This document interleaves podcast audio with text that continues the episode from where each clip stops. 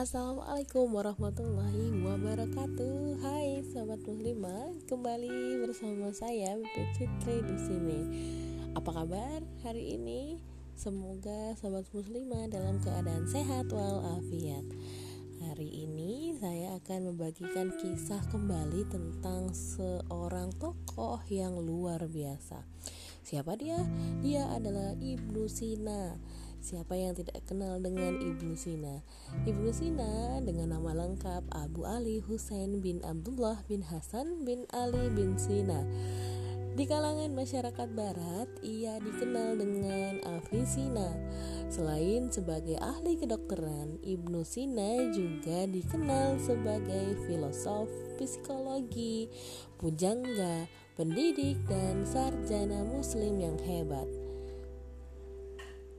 Ibnu Sina lahir pada bulan Safar 330 Hijriah atau di bulan Agustus 985 Masehi. Keluarga Ibnu Sina kebanyakan bekerja dengan mengabdi pada negara. Ayahnya bekerja di pemerintahan, selain itu juga sebagai pendidik. Ibnu Sina beruntung lahir di keluarga yang memiliki latar belakang pendidikan tinggi. Sejak kecil, sang ayah mengajarinya untuk cinta ilmu. Oleh sang ayah, Ibnu Sina diajari Quran dan sastra. Seorang guru pun didatangkan khusus untuk mengajari Ibnu Sina menghafal Al-Quran di usia 10 tahun pun ia telah berhasil menghafal isi Al-Quran dan mendalami berbagai karya sastra. Ibnu Sina belajar filsafat dari Abu Abdullah An-Natili, seorang filosof kenamaan yang kebetulan sedang berkunjung ke Bukhara. Beliau diminta ayah Ibnu Sina tinggal di kediamannya untuk mengajarkan filsafat pada anaknya. Dalam waktu yang singkat, Ibnu Sina berhasil menguasai filsafat hingga membuat kagum gurunya. Tetapi sebelum itu, Ibnu Sina sudah tekun mempelajari ilmu fikih dari seorang ulama besar bernama Ismail yang tinggal di luar kota Bukhara. Dengan semangat yang tinggi, Ibnu Sina tidak keberatan harus bolak-balik ke rumah gurunya Kecerdasan Ibnu Sina semakin terlihat saat beliau berusia 16 tahun. Ia sudah sanggup menerangkan kembali kepada gurunya isi dari buku Isagogi atau ilmu logika, buku Almages, ilmu astronomi kuno, dan buku Ekludis, ilmu arsitektur. Beliau memang benar-benar murid yang cerdas. Di, di depan guru-gurunya, ia dapat menerangkan rumus-rumus dan berbagai kesulitan yang terdapat dalam buku-buku tersebut. Bahkan konon dalam bidang ilmu astronomi atau perbintangan, beliau sudah sanggup menciptakan sebuah alat yang belum pernah dibuat oleh para ahli sebelumnya.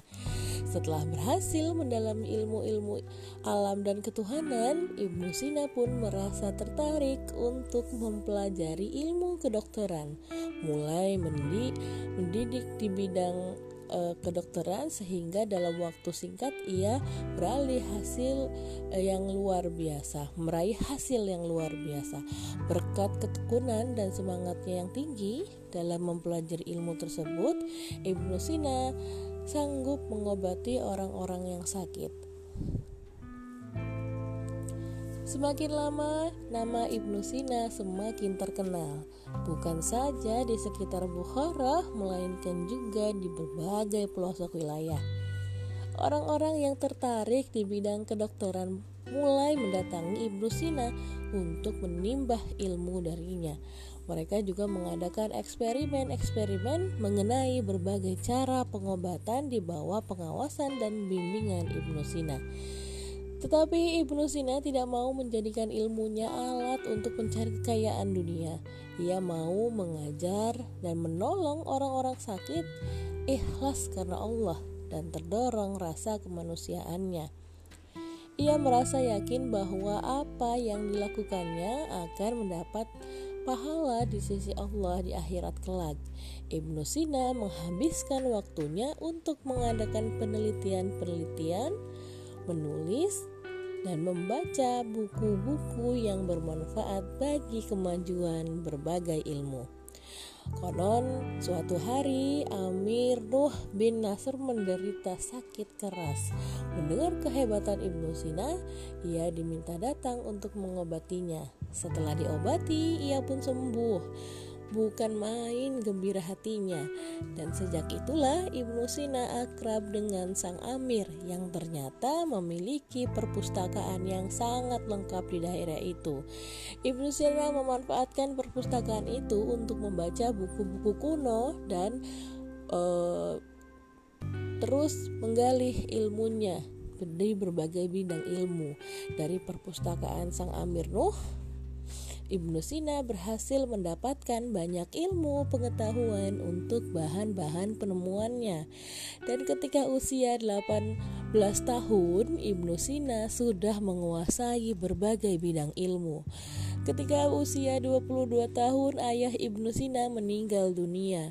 Terpaksa ia mengambil alih tugas-tugas ayahnya, namun itu tidak berlangsung lama. Ibnu Sina harus meninggalkan Bukhara karena telah terjadi goncangan pemerintahan. Mula-mula ia pindah ke Gurgan selama 10 tahun, kemudian pindah ke Nasa, kemudian pindah lagi ke Bawar, Tus, lalu ke Samalkan, Sajar, Surjan, dan terus berpindah-pindah guna mengamalkan dan mempelajari ilmu baru. Selain sebagai dokter, Ibnu Sina juga dikenal sebagai psikolog yang sanggup mengobati orang yang sakit jiwa.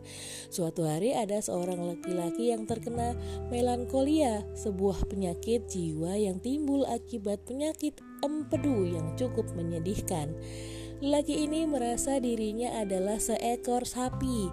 Ia tidak mau makan, minum, dan bersama manusia, bahkan tidurnya pun di kandang sapi, sehingga badannya kurus, kering, dan kotor.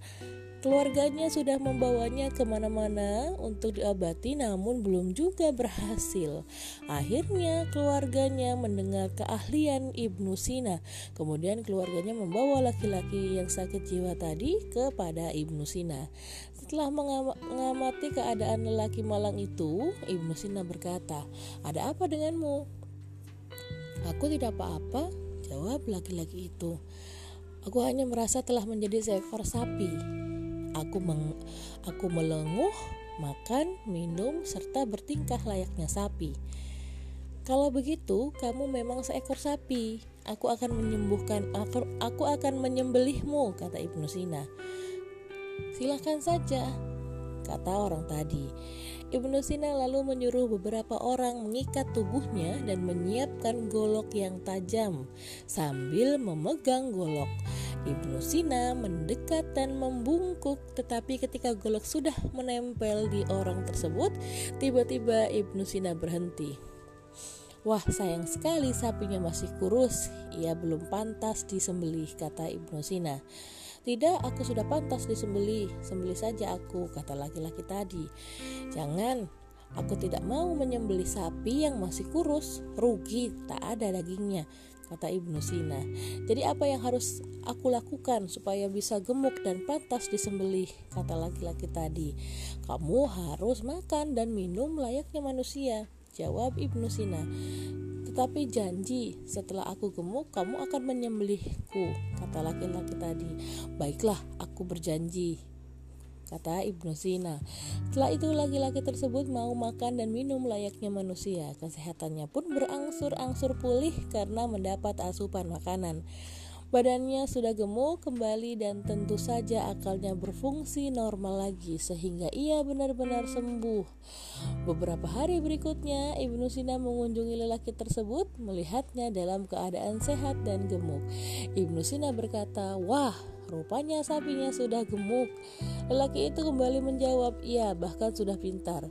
Jawabnya dengan tertawa. Keluarga lelaki itu pun sangat senang dan sangat berterima kasih kepada Ibnu Sina yang telah berhasil menyembuhkannya dari sakit jiwa. Nah, begitulah kisah dari Ibnu Sina.